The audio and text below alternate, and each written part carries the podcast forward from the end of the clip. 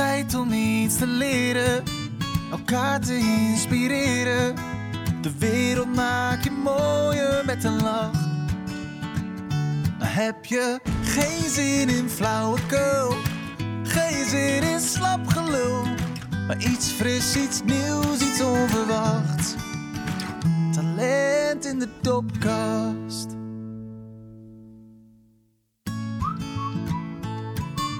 Hoi en welkom bij een nieuwe aflevering van de Talent in de Dopcast. De podcast waar jonge professionals hun ervaringen in geluid delen met Nederland. We bespreken thema's als werken, wonen, reizen, geluk, samenleving en ondernemen. Vandaag hebben we het over wonen. De grote vraag van vandaag is, een eigen huis kopen, is dat haalbaar voor een starter?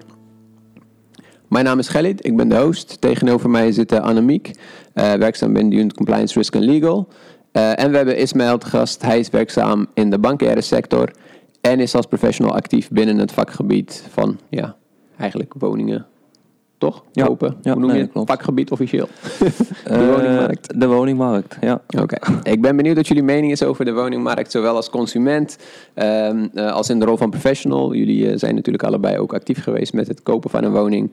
Ehm, eh, en Ismaël, jij dan in het bijzonder bent ook echt gewoon dagelijks bezig met, met hypotheken en, en de verschillende thema's die ermee te maken hebben. Ja. Maar eerst gaan we nader kennis maken met jullie. Eh, TNP CV. Het is tijd voor het TNP-CV. Eh, begin met jou, Annemiek. Eh, vertel in een paar zinnen hoe jouw carrière tot nu toe is verlopen sinds je afstuderen. Ah, Ik heb eh, in Groningen heb ik rechten gestudeerd, IT-recht. Eh, dat vond ik altijd heel interessant. Daarna heb ik eh, twee jaar als jurist gewerkt voor de Rijksdienst voor Ondernemend Nederland in agrarisch recht, iets heel anders. Eh, en daar kwam ik erachter dat ik het heel leuk vond om vooral onderzoeken te doen. Ik vond eh, hoorzittingen en dergelijke vond ik eigenlijk veel minder interessant. Ik vond het vooral leuk om echt met grote data, Excel-sheets te werken. Eh, dus na twee jaar heb ik bedacht, ik ga iets anders doen. En echt gericht op zoek gegaan naar een CDD-functie. Ja. En daardoor kwam ik bij TNP terecht. Ik heb nu sinds maart vorig jaar ben ik begonnen bij de Volksbank. Bij project Repair. Dat was echt het, eh, ja, het opstapje voor CDD-analisten. En inmiddels zit ik eh, al sinds afgelopen april bij de afdeling CCKI. Gewoon echt de voltallige onderzoeken te doen. Ik ben echt eh, onderaan begonnen en heb mijn weg omhoog gewerkt. Dat vond ik erg prettig. Hoe ben je ei- eigenlijk bij het vakgebied CDD uitgekomen? Want ten- tenminste, toen ik afstudeerde ergens in eh, 1925 of zo, toen had ik geen flauw idee wat CDD was, wit was, et cetera, WW, FT. Eh, hoe, ben je, hoe ben je uiteindelijk op, eh, op het traineeship terechtgekomen? Ja, ik, ben, eh, ik heb dan natuurlijk een rechtenachtergrond. Dus in dat opzicht was ik wel enigszins op zoek naar iets met iets juridisch. Mhm. Uh, maar ik merkte dat ik vooral het onderzoek zelf heel erg leuk vond. En ik ben toen gaan zoeken van nou, bij wat voor opdrachten ben je dus heel veel met data, met onderzoeken, met echt in-depth research bezig. Uh, en de combinatie van die twee dingen kwam ik uit op compliance. Uh, en daar ben ik verder gaan zoeken. Mijn stip op de horizon is ook compliance officer. Maar ja, dan moet je wel ergens beginnen. Dus ik ben echt begonnen als CDD-analyst. Uh, en ik hoop over een aantal jaar ook compliance officer te kunnen worden. En wat onderzoek je zo als eh, CDD-analyst? Uh, nu zakelijke en particuliere klanten bij de Volksbank. Volksbank is uh, SNS, BLG, Regiobank en uh, ASN. dat zijn heel verschillende klanten. Bij Regiobank zitten vaak de plaatselijke kapper bijvoorbeeld. SNS zijn de wat, wat grotere zaken, maar ook niet uh, ja, hele reusachtige klanten. Het is, uh, maar het is heel interessant. Ja, ik Ja. echt op zoek naar indicatoren van terrorismefinanciering of witwassen. Dat is, uh, Ja, hoeveel, hoeveel terroristen pak je op een dag, zeg maar? nou, nee, dat, zo, zo'n vaart loopt het weer niet. Nee, het- uiteindelijk, kijk, je bent natuurlijk een beetje op zoek naar inderdaad de grote vissen die je wil vangen. Maar uiteindelijk eh, komen er ook heel veel andere dingen tussendoor die je ook niet in de boeken wil hebben. Zoals belastingontduiking of eh, ja, mensen die voor andere delicten zijn opgepakt. Maar ja, die je dus ook eigenlijk als bank niet in de boeken wil hebben. Ja. Dus je komt wel heel interessante dingen tegen. Ja, klinkt leuk. Misschien maak ik wel de overstap. kan het nog, denk je? Eh jou dezelfde vraag eigenlijk, eh Ismaël. Eh, hoe is jouw carri- carrière eigenlijk verlopen vanaf het moment dat je afstudeerde? Misschien ook leuk om te vertellen wat je hebt gestudeerd. Ja, nou ja, ik heb eh, bedrijfskunde gestudeerd in, eh, eh, in Nijmegen en een deel in, eh, in Arnhem. Na mijn studie ja, wist ik eigenlijk niet welke kant ik eh, op wilde. Maar de financiële sector leek me altijd wel eh, interessant. Zodoende ben ik eh, hier terechtgekomen. Ehm, mijn eerste opdracht was gelijk bij eh, ABN AMRO. Totaal niet gericht op, op wonen, maar meer op verzekeringen en pensioenen. Ehm, vervolgens zit ik nu bijna drie jaar bij ABN AMRO. Eerst als acceptant. Het accepteren van hypotheken. En nu twee jaar ben ik al, eh, dan, eh, van die drie jaar ben ik twee jaar hypotheekcoach. En dat houdt in het, ehm, eh, het begeleiden van klanten vanaf het aanvraagmoment tot aan het moment van passeren. Dus klanten die vragen hebben over eh, status, over de stukken die ze aanleveren, nou, dan komen ze gewoon bij mij terecht. Ik beoordeel alles en voorzie de klant uiteindelijk, als alles goed is, van een hypotheekofferte. En maak zo ja, wekelijks klanten blij eigenlijk. Oké. En hoeveel mensen heb je op, eh, op, op een gemiddeld moment eh, eh, in, in je portefeuille zitten, zeg maar? Werkt dat een beetje zo? Dat je Ja. een aantal dossiers hebt die, eh, die jij in beheer hebt? Ja, nee, dat werkt inderdaad zo. Eh, ongeveer 20. Dat verschilt. Drukke periodes, ja, dan wordt het wel echt 30, 40. Ja. Ehm, maar op dit moment, ja, rond, de 20, eh 20 klanten.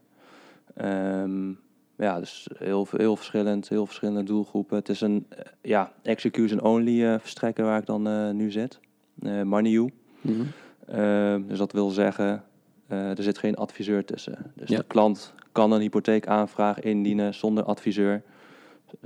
Maakt eerst de kennis- en ervaringstoets. Slaagt hij voor die toets, dan kan hij gewoon de hypotheekaanvraag indienen en komt dan vervolgens bij mij uit. Ja. Is, is een beetje een, een groeiend vakgebied wel, of niet? Dat online organiseren van een hypotheek? Of, eh, Ja, nou ja, het is, het is eh, spannend sowieso eh, om een hypotheek zelf af te sluiten zonder tussenkomst van een adviseur. En Ja. dat heeft vooral ermee te maken omdat ja, eh, heel veel starters, ehm, het is iets nieuws. En ja, als het iets nieuws is, vinden heel veel mensen het spannend en dan Ja, willen ja, ze toch hulp van een adviseur. Ja. Maar wat wij voornamelijk zien is gewoon eh, klanten die al eh, een hypotheek hebben, dus een tweede hypotheek of eh, het oversluiten van een hypotheek.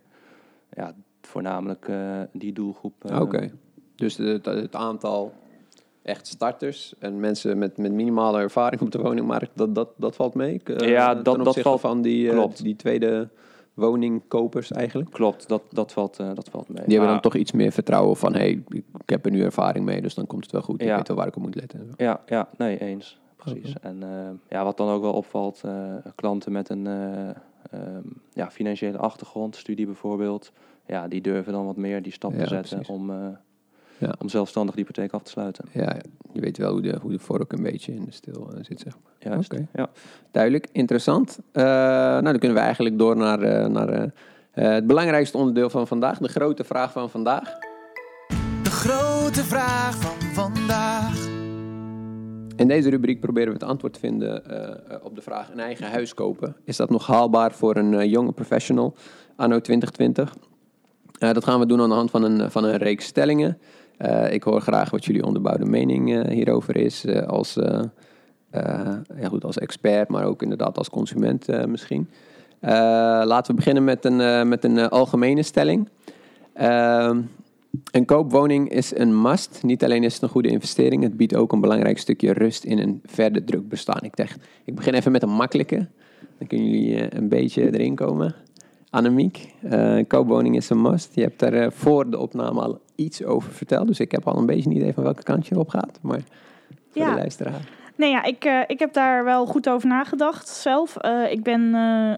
ik woonde al samen met mijn toenmalig vriend eh, toen dat uitging. Dus toen moest ik ineens op zoek. Ehm, en daarbij heb ik wel de afweging gemaakt van wat is verstandig, huren of kopen. Eh, huren is wat dat betreft makkelijker. Omdat er minder eh, sprake is van inkomensgrenzen en dergelijke, dacht ik. Totdat je gekke eisen ziet als 4,5 maal de huur in een maand qua inkomen. Ja. Uh, maar wat voor mij wel echt de doorslag heeft gegeven, is dat je, ja, als je huurt, dan geef je dat geld aan iemand anders om zijn hypotheek af te betalen. Ja. Dus ja, je woont ervoor, maar je gooit het geld ook een soort van weg. En Ja. als je gaat kopen, als je dat rond zou krijgen, dan investeer je dat inderdaad. En dan betaal jij je eigen hypotheek af. En mocht je dan ooit weer verhuizen, dan heb je die waarde wel gewoon nog. Ja. Dus ja, ik vind het een investering. En ook zeker, ja, de stelling ben ik tot in zoverre mee eens dat het ook een stukje rust geeft, inderdaad. Want met huren zit je altijd weer met eventuele verhoging van de huren. Of iemand die toch het huurcontract opzet, opzegt. Dus eh, ja, het geeft mij ook zeker een stukje rust om het straks allemaal geregeld te hebben. Maar daar staat tegenover wel misschien dat je inderdaad met het eh Er eigen, komt heel veel bij precies, kijken. eigenaarschap, dat, dan zitten nog wel wat haken en ogen Ja, aan er vast komt heel veel bij kijken. Ja. Zoals? Sowieso de financiering moet je rond kunnen krijgen. Dat is geen makkelijke... eh, ja, dat is... eh, Dat doe je niet zomaar. Dat doe je niet zomaar, inderdaad.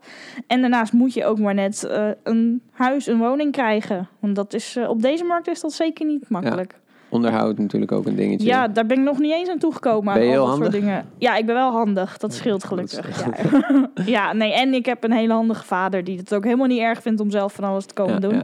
Dus dat scheelt wel een hoop. Ja. Oké, top. En ehm, jou, aan jou eigenlijk dezelfde vraag, of eigenlijk voor jou dezelfde stelling, Ismaël. Ehm, ik begreep dat jij ook eh, inmiddels een, een eigen koopwoning op de kop hebt getikt. Ehm, je bent alleenstaand, vertelde je net ook. Ja, Dat is natuurlijk wel een hele grote stap. Ik kan me voorstellen, als je een vrouw, een vrouw vriendin hebt Ja. en je wilt iets groter gaan wonen, dan denk ik van oké, het is misschien wel een beetje een risico, een beetje lastig, maar ja, ik ga ervoor. Maar jij hebt het eh, eh, ja, eigenlijk helemaal alleen gedaan. ja klopt. En waarom? Wat, wat, wat is jouw voornaamste beweegreden om een, om een woning te gaan kopen? Echt als, als eh, eh, ja, toch een jong, jonge Ja, jong wat, persoon? ja, wat Annemiek net dus ook een beetje aangaf, eh, een stuk investering. Ehm, heb je nou een, eh, een huurwoning, dan gooi je maandelijks een eh, x bedrag weg. Ja. Zo zie ik het. Ja. En bij een koopwoning ja, eh, bestaat bijvoorbeeld je eh, maandbedrag deels uit aflossing en een deel uit rente. En ja, die aflossing zie ik als ehm, ehm, ja, een stuk investering. Wat je aan het eind van de bij, bij verkoop van de woning, dat, dat krijg je gewoon terug. Kan Ja. je meenemen naar je volgende woning. Je kan groter wonen. Ja. En of het per se eh, wat rust brengt, dat vind ik een lastige.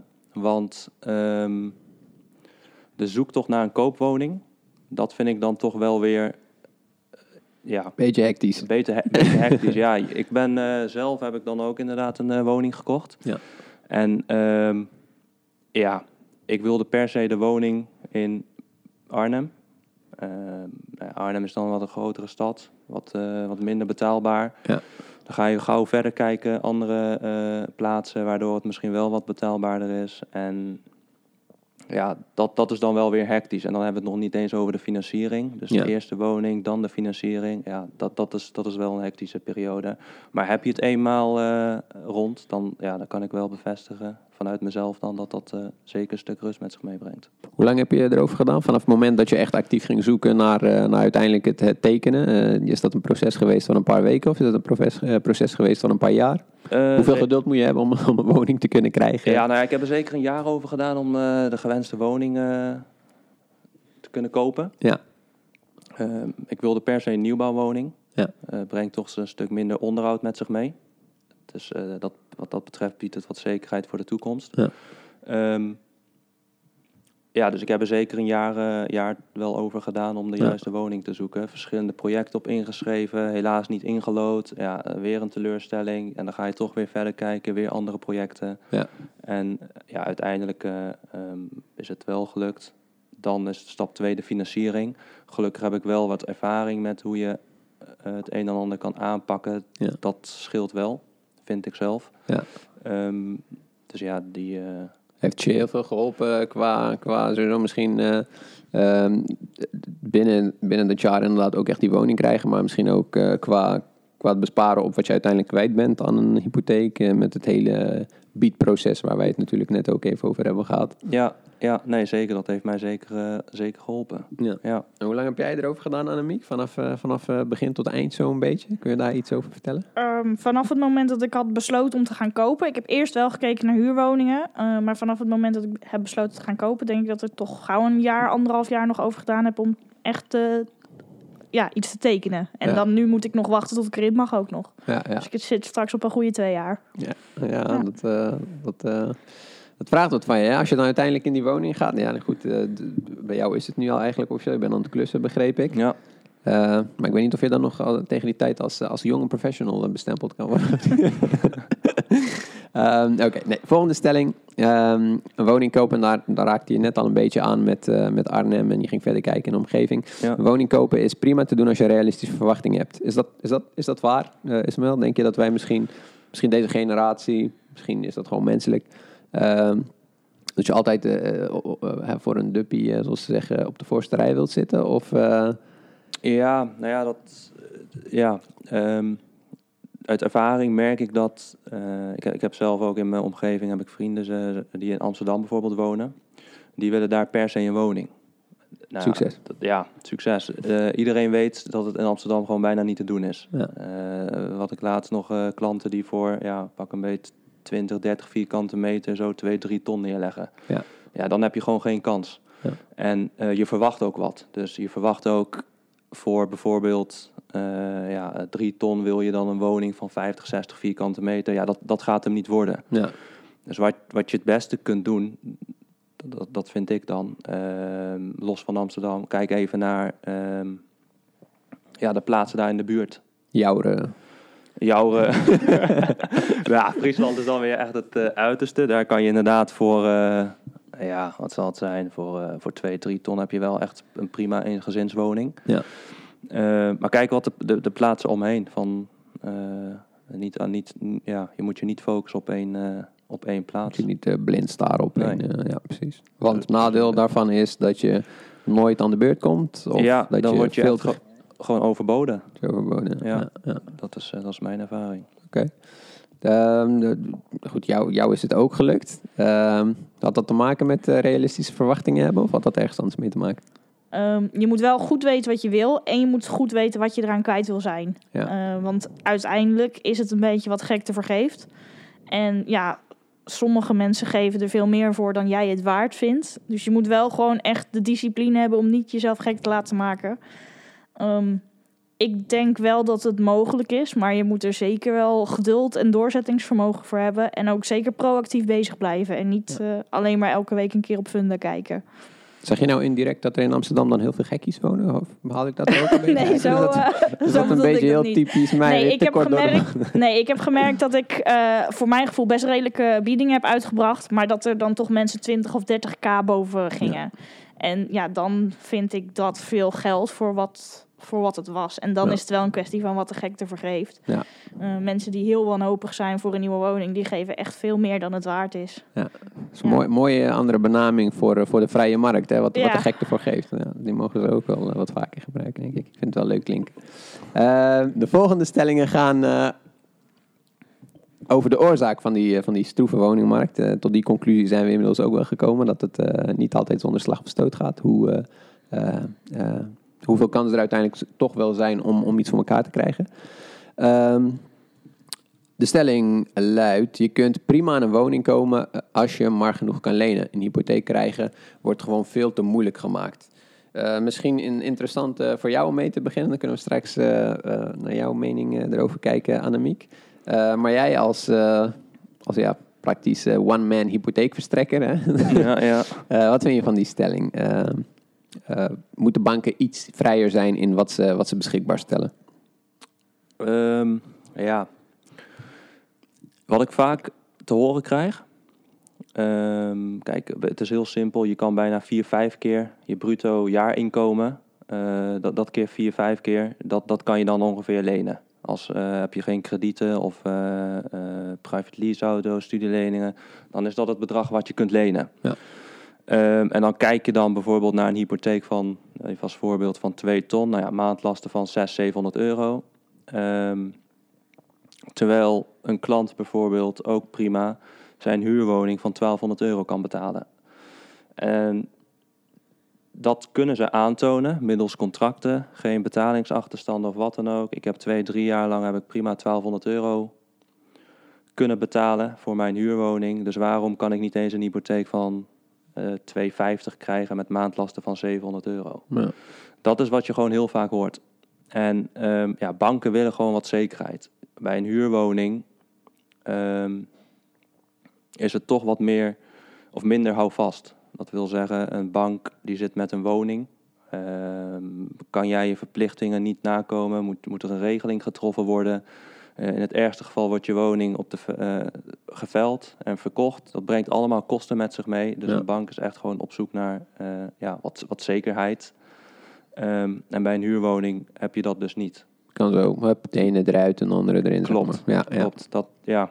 Dus ik, ik, daar zit het hem in, denk ik. Ja, dus het, wel een beetje, het is wel begrijpelijk dat, dat banken, die, de kredietcrisis van 2008, dat was een beetje ook volgens mij, eh, Ja. ik ben, ben er niet helemaal een insider in, maar eh, te makkelijk gegeven hypotheken in de VS, dat, dat, dat zat een beetje wel eh, eh, ja, aan, aan het begin. In ieder geval was wel een belangrijke oorzaak van dat het allemaal omviel, geloof ik. Ja, Toch? Ja, eens. Ja. En ja, woningen kwamen ook op een gegeven moment onder water te staan. Ja. Dus ehm, tegenwoordig kan je niet meer lenen dan eh 100% van eh marktwaarde van de woning. Ja. En voorheen was dat dus anders. Ja. Dus wat gebeurde er? Ehm, klanten leenden het maximum, maar de waarde van de woningen die daalde, waardoor klanten of mensen met een restschuld komen te zitten. Ja. En ja, dat, eh, dat, dat willen ze gewoon nu kosten wat kost voorkomen. Ja. Maar ja, niemand zit te wachten op nog een, eh, nog een crisis, lijkt mij. Nee, Ehm, zo zie ik het. Oké, helder. Eh even kijken, voor jou dan, eh Annemiek, eh, dezelfde stelling als jij hem nog weet, want ik zit eh, heel goed te kijken wat de stelling ook alweer was. Ehm, Of het te moeilijk is om... Ja, precies, je wist het nog, ik ook Ja. nog ik moet gewoon zeggen, Annemiek, wat vind jij ervan? Nee, ik vind het... Kijk, ik heb zelf heb ik het rondgekregen. Daar ben ik heel blij mee. Ehm, maar ik onderken zeker wel dat het misschien voor veel mensen te moeilijk is om financiering rond te krijgen. Zeker nu er maar 100% van de marktwaarde wordt gefinancierd. Eh, er komen heel veel kosten kijken nog bij een huis kopen. Dus je moet een behoorlijk spaarpotje zelf hebben. Wil je überhaupt gaan kijken naar kopen? Ja. Eh, en wat Ismaël net ook zegt, van mensen kunnen wel huur betalen al jaren. Ehm, ja, ik moet. Het is geen reclame maken. Ik werk natuurlijk voor Volksbank en BLG. Maar Oh, mag best hoor. nee, ja, ik, eh, ik vind het een heel goed initiatief van BLG. Die hebben nu iets voor. eh, die zijn iets aan het opzetten. Misschien dat het net begonnen is. Ehm, dat duurhuurders, dus mensen die echt al, al jaren huren, kunnen laten zien van nou, ik kan al jarenlang zoveel huur betalen. Waardoor ze dan een hogere hypotheek kunnen krijgen dan eh, normaal gesproken op basis van inkomen Ja. eh, mogelijk zou zijn. En dat vind ik een heel goed initiatief. Ja. Want ik denk, tuurlijk moet je je als bank indekken. Tuurlijk wil je als bank niet je geld verliezen. Eh, maar het wordt wel heel moeilijk gemaakt. Zeker voor starters die nog Ja. niet zo'n hoog inkomen hebben. En ja, hun alternatief is dan wel huren. En daar zijn ze alleen maar meer aan kwijt. En dat is eigenlijk gek. Ja, ja. Ja. Maar en, en dat, daar hebben we het kort wel vooraf even over gehad. Eh, misschien heb jij daar ook nog een mening over. Eh, maar wat je dan wel krijgt, is dat, ehm, en datzelfde geldt voor, ik geloof, die nieuwe regeling eh, die onlangs is ingegaan voor woningkopers tot 35 jaar. met de overdracht, dat ze worden vrijgesteld van de overdrachtsbelasting. Dan krijg je natuurlijk nog een, een sterkere toevoer naar die woningmarkt van, van jonge mensen die ook een woning willen kopen. Omdat ze denken van, hé, ik zie mijn, ik zie mijn kans schoon. En dat ja, wat de gek voor wil betalen, dan zijn er meer gekken, zeg maar. En dan, hè, dat, drijft de prijzen wel op, denk ik. Dus zijn dat soort initiatieven dan eh, wenselijk? Of, of moet je het juist echt gewoon op zijn beloop laten? En dan merk je op een gegeven moment vanzelf wel van... hé, hey, eh, we hebben een, bepaalde, een bepaald plafond bereikt. Ehm, en dan loopt het op een gegeven moment vanzelf weer terug... waardoor meer mensen een woning kunnen gaan kopen.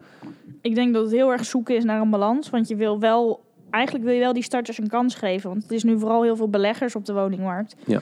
En ja, die heb je daar niet mee als je extra geld aan starters gaat geven. Ja. Eh, behalve dat er dus meer mensen naar de woningmarkt komen die anders zouden gaan huren. Ja. Dan, ehm, of je nou koopt of huurt, die huizen zijn bezet.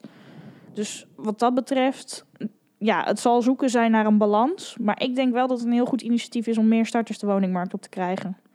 Eens, eh Esmel? Ja, zeker eens. Ehm, ik, ik ben ook eigenlijk wel benieuwd wat, eh, ja, wat voor wending dat gaat krijgen. Kijk, overdrachtsbelasting wordt straks ehm, eh, voor starters, nou ja, in ieder geval eh, tot en met 35 jaar wordt dat afgeschaft. En ehm, voor beleggers gaat dat percentage omhoog naar 8%. En om die, want ze gaan nu extra betalen, de, de beleggers, nou ja, om dat toch enigszins te compenseren. ja, het is een beleggingspand, dus je gaat het verhuren. Kan de huur weer omhoog.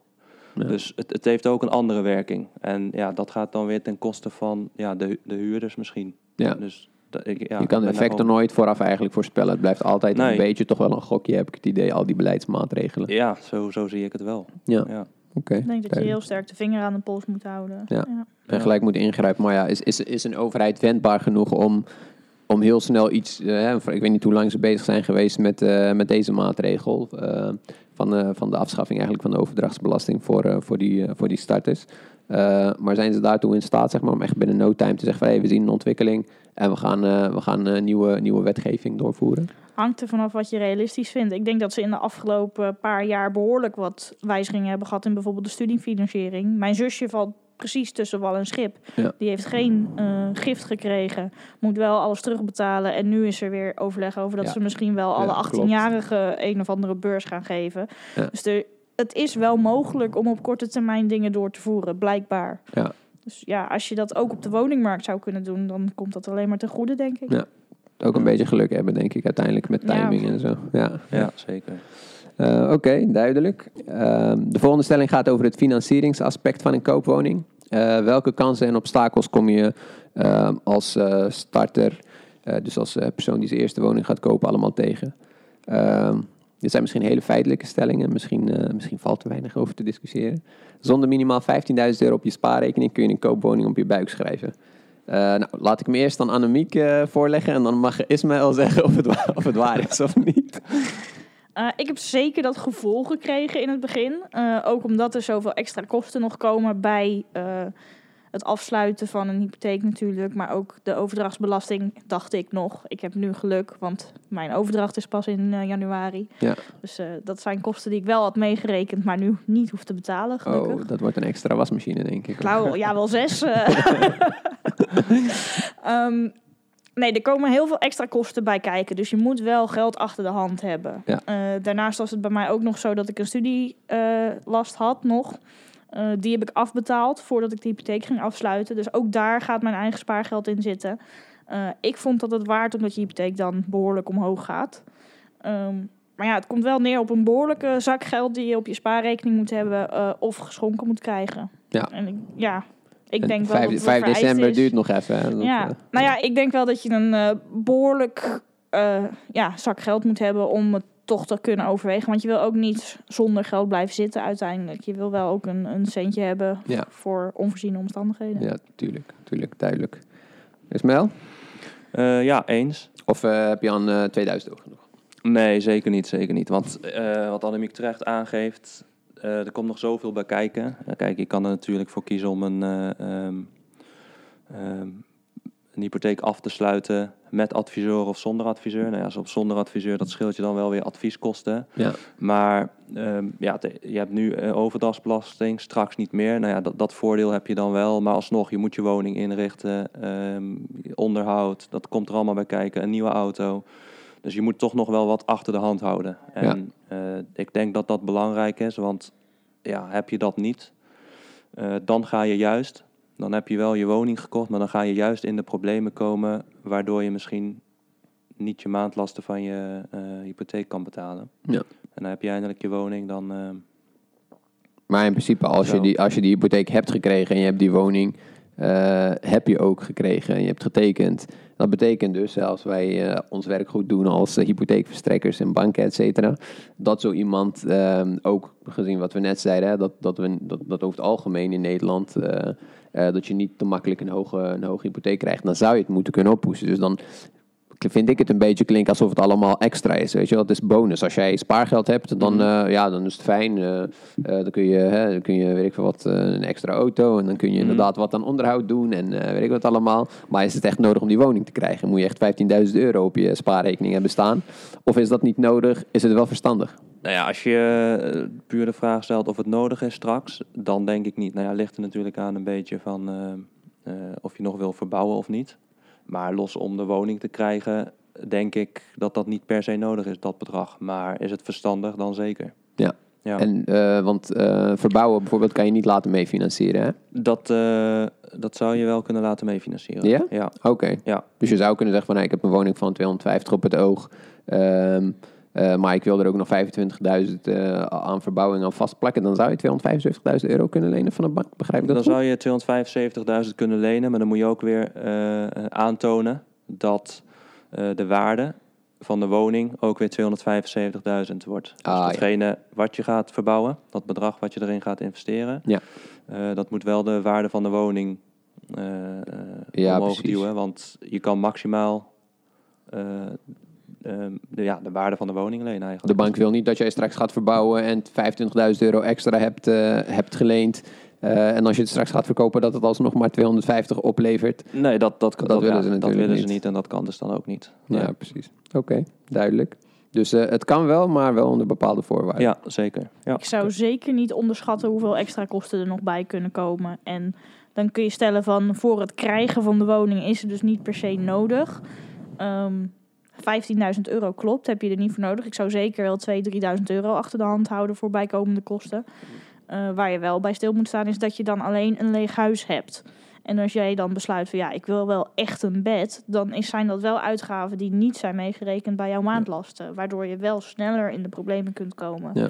Dus ja, dan heb je een huis, maar dan, dan heb je een huis en verder niks. Ja, Ja. ja oké. Nou, dat soort dingen laten ze bij VT wonen, laten ze dat nooit zien. Hè? Dus dan is het altijd, ik heb zo'n mooi huis en goed gedaan.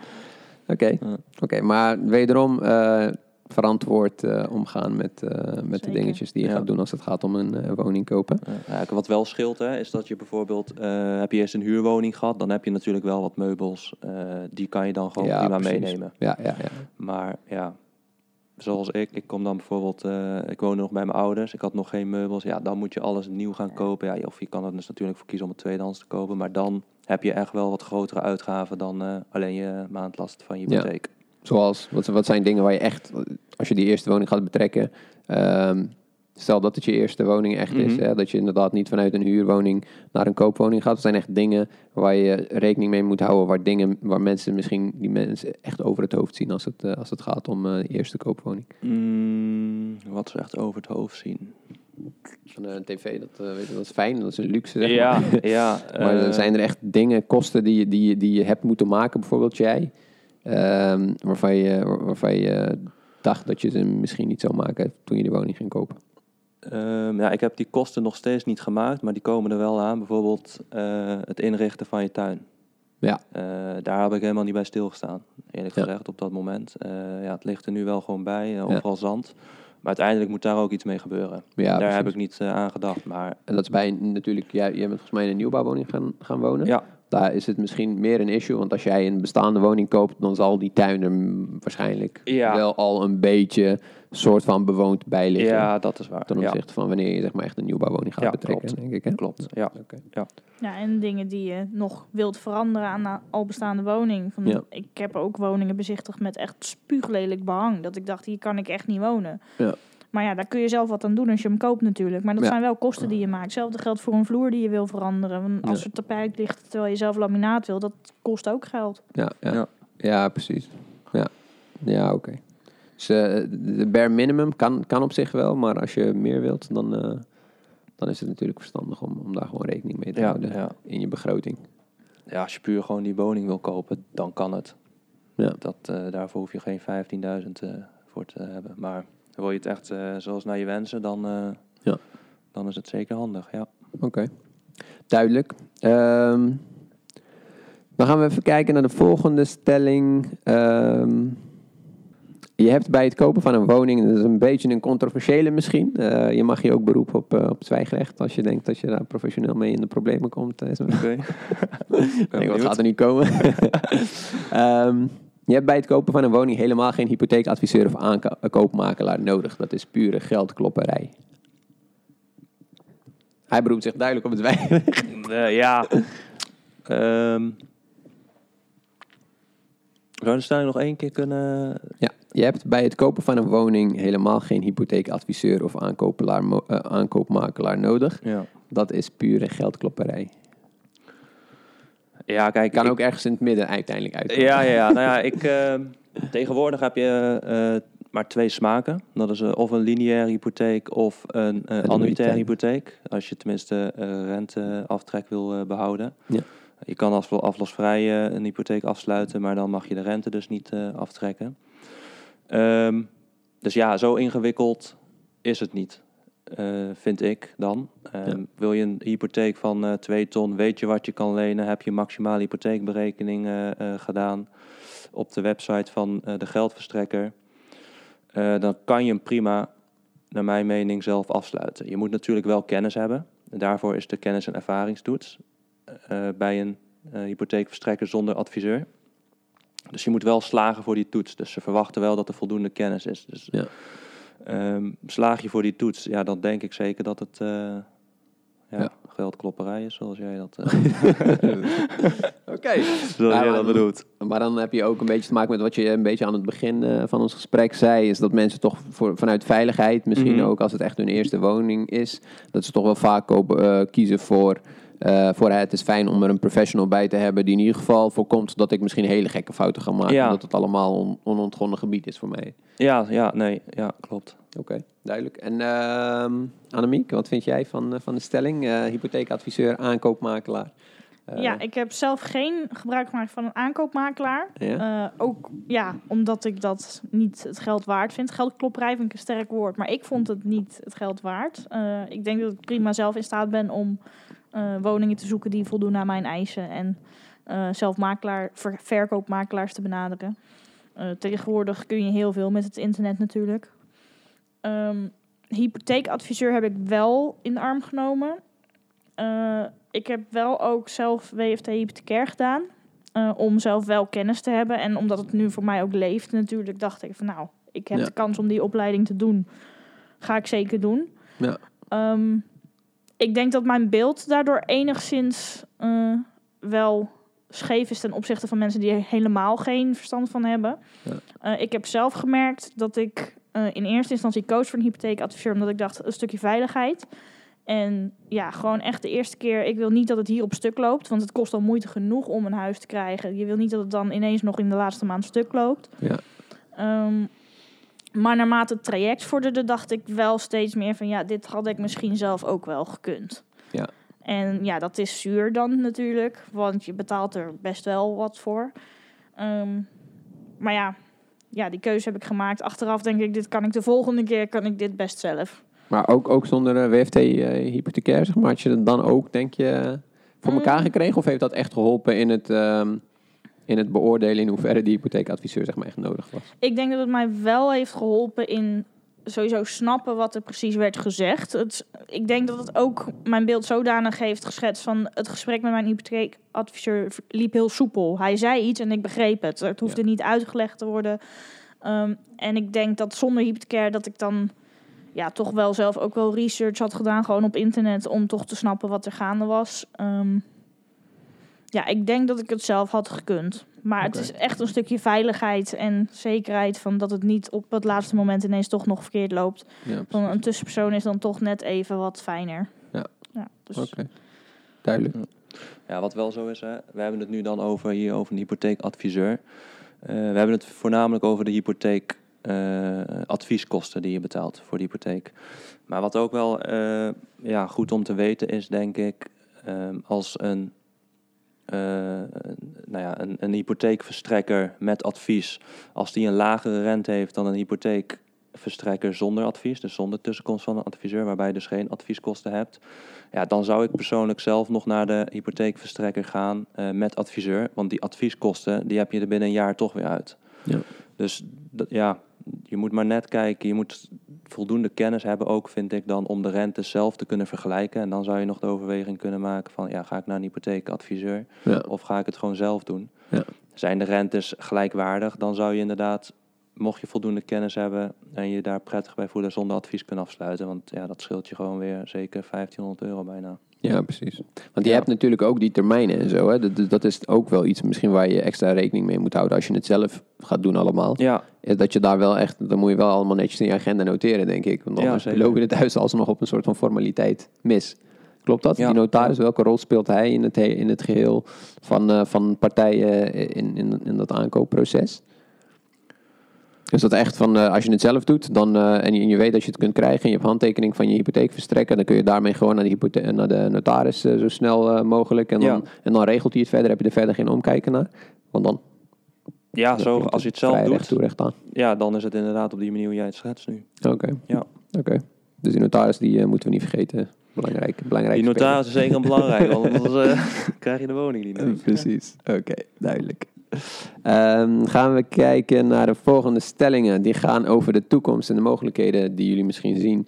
Ehm, zodat starters eh, in de toekomst eh, net zoveel kans maken of blijven maken op, de, op, op een koopwoning als jullie eh, eh, nu hebben gedaan.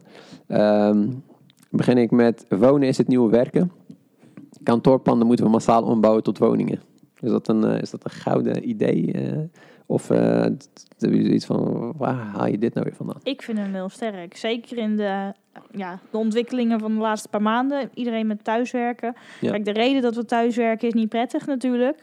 Maar ik denk dat heel veel werkgevers nu wel tot de conclusie komen dat het ook prima werkt. Dat mensen er niet per se minder productief van worden.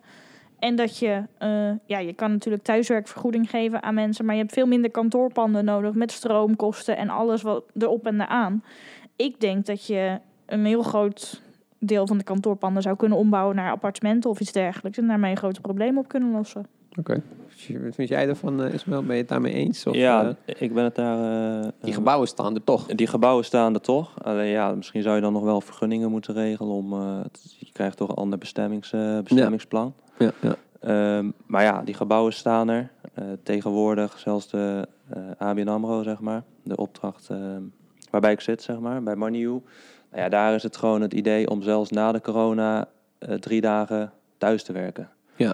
En dan denk ik van ja, dat scheelt je alweer gas, water, licht, huren van de panden. Ja. Dus ja. Ja.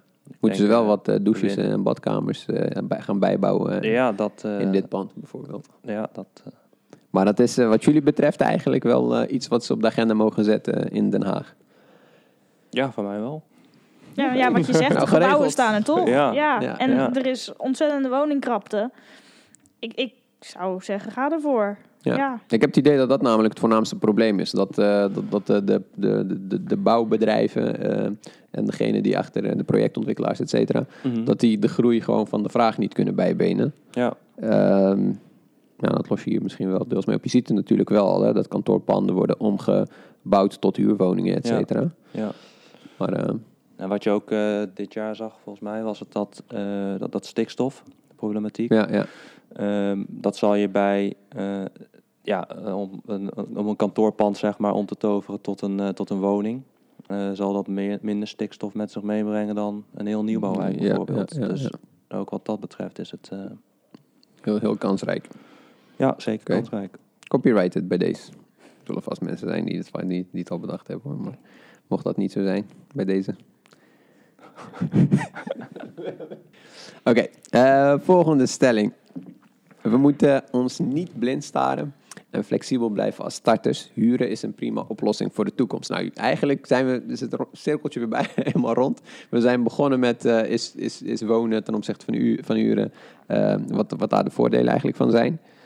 Ehm, maar is huren niet ook gewoon een, goede oplossing voor de toekomst? Eh, dat mensen gewoon wat flexibeler zijn en niet denken van, oh, ik moet die woning hebben, want ik ga daar vervolgens 30, 40, 50 jaar wonen totdat ik eh, 99 ben. Eh, dus het is wel fijn om die vastigheid te hebben. Moeten we niet met z'n allen wat flexibeler zijn en zeggen van, we gaan helemaal niet meer kopen, we gaan gewoon alles huren. Eh, alles in de huur zetten, gewoon in de verhuur zetten. Zodat er gewoon misschien de omloop, de, hoe zeg je dat, de doorstroom, eh, daardoor ge- ge- ge- gestimuleerd wordt. Is dat denken jullie eh, een realistisch, realistisch toekomstbeeld? Nee, alles in de verhuur ben ik het zeker niet mee eens. Ik denk wel dat je als starter flexibel moet blijven. Ik heb ook zeker nog wel huurwoningen bekeken, terwijl ik toch wel een soort van besloten had te gaan kopen. Ehm, maar je moet wel selectief blijven. Je moet niet ergens gaan wonen omdat je heel wanhopig ergens heen moet. Je moet wel ja, toch in je achterhoofd houden dat je er toch in ieder geval twee, drie jaar wil wonen. Ehm, ja, en je moet echt wel kijken of het waard is wat je ervoor geeft. En ik denk dat dat met huren nu voor mij heel erg eh me tegen ging staan, is dat het heel duur was. Eh, nou had ik ook wel de nodige eisen, want ik heb een golden retriever. Dus het was ook niet zo van dat ik op een derde verdieping met eh, alleen maar trappen ging wonen. Dan was een lift een vereiste bijvoorbeeld. Ehm, ja, en dan kom je toch al snel uit op of gewoon op de begane grond. Wat qua huren komt niet meer veel voor tegenwoordig. Ja. Eh, in Gouda heb ik er een paar bekeken. Maar ja, dan zit je wel weer met andere dingen. Van, je moet gewoon echt wel weten wat je wil. En tuurlijk moet je flexibel blijven. Eh, Want ja, je moet ergens wonen natuurlijk. Je kan niet tot je 35e bij je ouders blijven wonen. Ja. Ehm, maar ja, het, blijft een optie als je dat financieel rond kan krijgen. Ja, precies. Ja. Oké, duidelijk. Vind jij ervan, uh, Ismaël? Ja, wel, eh, het belangrijkste denk ik, eh, je moet echt weten wat je wil. Ehm, bij bijvoorbeeld een koopwoning, eh, ga je een woning kopen, dan is het niet zo dat je daar zo snel weer 1, 2, 3 uitgaat. Want ook de verkoop van de woning brengt kosten met zich mee. Je moet naar een makelaar, het moet op funda geplaatst worden, eh, noem maar op. En ja, bij, bij een huurwoning bijvoorbeeld, dat is toch wel wat flexibeler. Eh, als je toch in je gedachten hebt van ja, ik wil er toch niet langer dan een jaar blijven wonen of, of, of twee jaar, ja, dan zou ik wel gaan denken, is kopen wel verstandig. Kijk, het is zeker een investering. In de zin van niet alles gooi je weg van het maandbedrag wat je, wat je moet betalen. Maar bedenk ook dat de verkoop van een woning, mocht je op korte termijn willen verhuizen, dat dat ook gewoon kosten met zich meebrengt. En een nieuwe woning kopen, dat, dat, dat, dat kost ook weer wat. Ja, en als je dan weer een nieuwe woning wil kopen inderdaad, dan kost dat ook weer geld. Ja. Ja. Dus ehm, Dus eh, het is geen goed idee om een, om een eh, eerste woning eigenlijk eh, vooral voor op de korte termijn te kopen. Dus eh, Nee. zo- proef ik dat een beetje? Als je zegt, als je, als je een woning gaat kopen, zorg ervoor dat je een eengezinswoning hebt waar je in ieder geval de komende 20 jaar in kunt. ja, t- 20 vind ik dan misschien weer. Tijd gaat snel, Ismaël. Tijd gaat zeker snel. nee, 20 jaar wil ik dan nu niet zeggen, maar zeker 5, eh 5 à 10 jaar. Ja, En, precies. ja. Ja, het is lastig om daar een grens voor de een is dat anders Ja, dan eh, voor de ander, maar Ja. ehm, ik zie het wel iets als eh, lange termijn.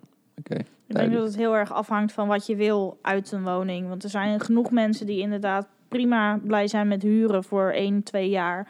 En dan toch alweer ergens heen fladderen. Ja. Eh, zo ben ik helemaal niet. Ik wil graag vastigheid. eh, dus ik wil iets kopen. En ik ben inderdaad van plan in ieder geval vijf en misschien wel tien jaar daar te blijven wonen. Eh, ja, dan is kopen voor mij gewoon de oplossing. Dus ik denk dat je ook niet per se aan mensen die willen kopen hoeft te vragen van nou wees eens iets flexibeler. Want er zijn genoeg mensen die wel willen huren. Ja, Dus ik denk dat je daar de balans meer in moet zoeken. kan prima naast elkaar bestaan. Ja. Hoeven niet eh, het een of het ander te gaan doen natuurlijk. Oké, duidelijk. Bedankt voor jullie, eh, voor jullie inzichten en het delen van jullie ervaringen. Ehm, ik denk hele nuttige informatie voor de oriënterende luisteraar. Ehm, eh, wat we hieruit kunnen afleiden als we terugkijken naar de grote vraag van vandaag, denk ik. Ehm, een woning kopen is, is denk ik ook voor jonge professionals, starters, et cetera, eh, nog heel goed mogelijk. Moet wel eh, duidelijk weten wat je wilt. Ehm, toch wel een beetje realistische verwachtingen hebben als je het hebt over locatie, grootte, et cetera. Koop vooral ook iets wat, wat in ieder geval voor de komende vijf jaar, vijf à tien jaar interessant is. Maar dat het niet te doen is, dat is, dat is een beetje een mythe. Ja. Zijn zeker, je hebt zeker gewoon veel doorzettingsvermogen nodig. En je hebt veel doorzettingsvermogen nodig. Maar dat is altijd handig in het. Oké, duidelijk. Ehm, Oké, dan gaan we door naar de laatste rubriek. Eh, goed idee, daar moeten we iets mee. Wat een goed idee, daar moeten we iets mee. In deze rubriek vragen we onze gasten om één handige tip of bruikbaar inzicht eh, binnen het besproken thema. Ehm, waar onze luisteraars ook echt iets aan hebben. Ehm Annemiek, begin ik even met jou. Nou, jij hebt inmiddels eh, die felbegeerde woning eh, bemachtigd. Ehm, ben benieuwd of, eh, of je na het afgelopen ja, uur, bijna denk ik inmiddels, nog, een, nog, nog een tip of een handige inzi- inzicht voor ons hebt.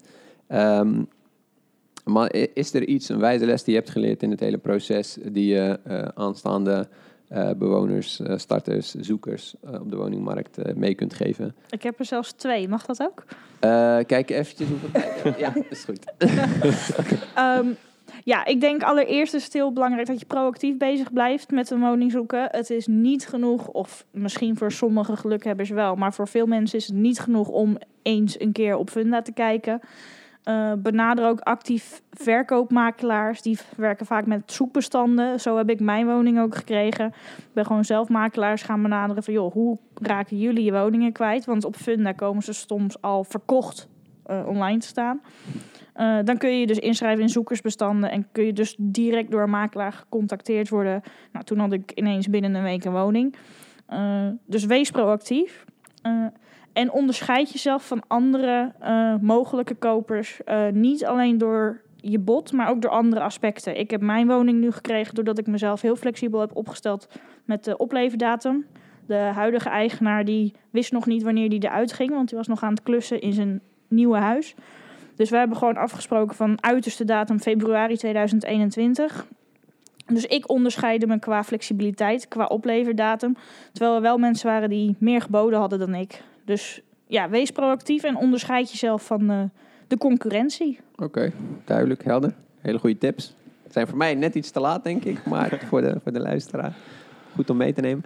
Ehm Ismaël, ehm, goed, we hebben het de hele tijd ook over besparen gehad. Mhm. Ehm, grote probleem op de woningmarkt is natuurlijk het verschil in vraag en aanbod. En die deksels, hoge prijzen. Heb jij als hypotheekexpert nog een, nog een gouden bespaartip eh, bij de aanschaf van een nieuwe woning? Ehm, goed, we hebben het net al gehad over die, eh, over die aankoopmakelaar en hypotheekadviseur. Is er nog iets Mhm. anders wat jij eh, mensen kunt meegeven? Waarmee ze misschien een paar honderd euro, een paar duizend euro als het mee zit, eh, extra overhouden aan het eind eh, van, eh, van de hele rit. Ja, nou ja, wat ik, ehm, ehm, wat ik net al dus benoemde is inderdaad, eh, heb je voldoende kennis, dan kan je nog zelf eh, de hypotheek afsluiten. Zonder tussenkomst van een adviseur en dus ook geen advieskosten van 1500 tot 2000 euro. Ja. Eh, een andere tip is, ehm, vrijwel elke verstrekker wil een taxatierapport Ja. bij aankoop van een eh, bestaande woning. Ehm, een taxatierapport is al gauw 500, 600 euro als je de woning wil laten taxeren. En ja, een tip zou zijn, dat zal je dan wel even moeten navragen bij de hypotheekverstrekker. eh, of zij een Calcasa-rapport accepteren. Want een Calcasa-rapport is maar volgens mij uit mijn hoofd eh, nou ja, niet meer dan 30 euro in ieder geval. 21 euro.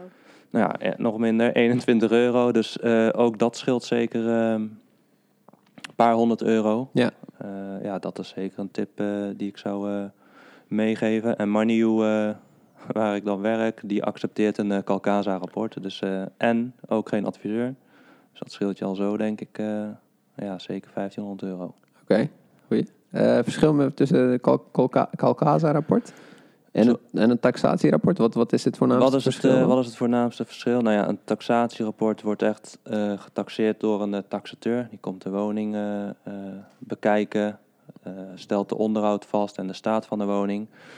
En eh Calcasa, ja, dat is eigenlijk een eh, marktwaardebepalingsbureau die de marktwaarde van eh, de onderpanden eh, vaststelt aan de hand van eh, de prijzen op funda. Dus recent verkochte vergelijkbare objecten. Oké, En dan eh, komt er een marktwaarde uitrollen bij Calcasa. En eh, ja, sommige banken accepteren dat ook gewoon. en dat bedrag mag je lenen dan, hè? Want dat is meestal ook waarvoor Dat je is- een taxatierapport doet, zodat je met Ja. een bedrag uiteindelijk eh, onder de streep, eh, eh, daar kom je op uit. En, en dat bedrag gaat de bank jou dan meestal lenen. Ja. Dan mag je niet hoger dan... eh, je mag niet hoger uitkomen dan dat bedrag eh, Nee, eigenlijk. nee. En een, dat Calcasa is een, goede altern- een goed alternatief Ja, waarmee je ook die hypotheek kan krijgen die je denkt nodig te hebben. ja zeker. Komt eruit dat Calcasa-rapport bijvoorbeeld eh, nou ja, 2 ton. Dan kan je dat bedrag ook gewoon, gewoon lenen. Oké, dus dat is gewoon volledig certified, officieel en elke bank. Nou ja, niet, niet elke bank ac- accepteert dat. Eh ABN AMRO wel. Dus Marniu en Florius eh, die accepteren dat. Ja, hoe dat met andere banken zit, Ja. weet ik niet. Maar vraag dat zeker even na. maar ja, nou ja, goeie. Dat, want inderdaad, als je dat gaat doen, moet je wel even nog checken dus of Ja. al die hypotheekverstrekker daar ook echt mee, mee werkt. Ja, zeker. Dat zou ik zeker doen. Want elke bank die wil sowieso de marktwaarde van je aan te kopen onderpand weten. Ja. Dus vraag dat zeker na. Oké, Ik heb duidelijk. Calcasa ook veel gebruikt om zelf te bepalen wat ik ging bieden. Want het is dus inderdaad maar 20 euro eh, om en nabij. Mhm. Eh, en dan kun je dus zien eh, de verkoopprijs van de omliggende panden. En in welk jaar dat verkocht is. En wat jouw pand dan, of jouw pand, dan waard zou zijn. Dus het ge- geeft je ook een goed houvast om te bekijken van wat is het nou echt waard. En wat zou ik qua financiering kunnen krijgen. Ja. Ook al is het niet jouw taxatie voor een bank die dat dan niet accepteert. Krijg je Mhm. wel een heel goed beeld van Ja, wat je zou kunnen lenen op basis van het pand. En ja, precies. Dus ja, ik Ja. heb er zeker wel een paar opgevraagd gewoon om te kijken van, nou, hoeveel durf ik hierop te bieden? Oké, dus je hebt dat bij meerdere biedingen eigenlijk die je ja, hebt gedaan, zeker. heb je dat, Ja. En dan is, het wel, is het wel steeds, denk ik, het is niet dat je een soort van abonnement afsluit. Zo, je betaalt per Nee, keer. Betaal ja, je betaalt per keer. was het? 30 ja, euro? 20, 20 Ja, 25 zoiets. euro, zoiets. Oké. Eh, maar dan krijg je dus inderdaad de omliggende panden en in welk jaar ze voor hoeveel zijn verkocht. Ah, oké. Dus Dat is wel een heel goed vergelijkingsmateriaal, Ja, biedt dat. Want anders ben je een beetje in het duister aan het vasten. ja ik heb heel veel in dezelfde flat eh, gezocht bijvoorbeeld. En ja, dan, daar zaten dan wel twee, drie en vier kamer appartementen in. Dus ik heb dan van ieder eh, soort heb ik zo'n rapport opgevraagd. Ja. En eh, bij een van mijn laatste biedingen voor deze heb ik nog een keer opgevraagd. En toen zag ik dus ook degene waar ik al een keer eerder op geboden had, zag ik waar die uiteindelijk voor is weggegaan. Ja. Want dat was inmiddels dus al geüpdate in kadaster. En dan denk ik, nou, dan ben ik blij dat ik niet meer heb geboden. Als je ziet wat er soms eh, voor gegeven wordt. Ja. Maar het is een heel goede tool om ook te bedenken wat je zelf eraan kwijt wil Ja. zijn. Het helpt wel bij een stukje transparantie als ik Ja. het zo hoor. Ik wist niet van het bestaan af van... eh Nee, is een hele goede. Ja, Ja. Calcasa. Dankjewel. We sluiten hem hierbij af. Ik bedank Ismaël en Annemiek voor je, voor je aanwezigheid eh, en de inzichten in het onderwerp van vandaag. Hele nuttige tips. eh, heel behulpzaam, denk ik, eh, voor, voor aankomend ja, woningkopers, starters, jonge professionals, noem maar op. Ik bedank jou voor het luisteren en hoop vooral ook dat je iets hebt opgestoken van deze aflevering. Want dat is Ontwikkeling. Tot de volgende Talent in de Dopcast.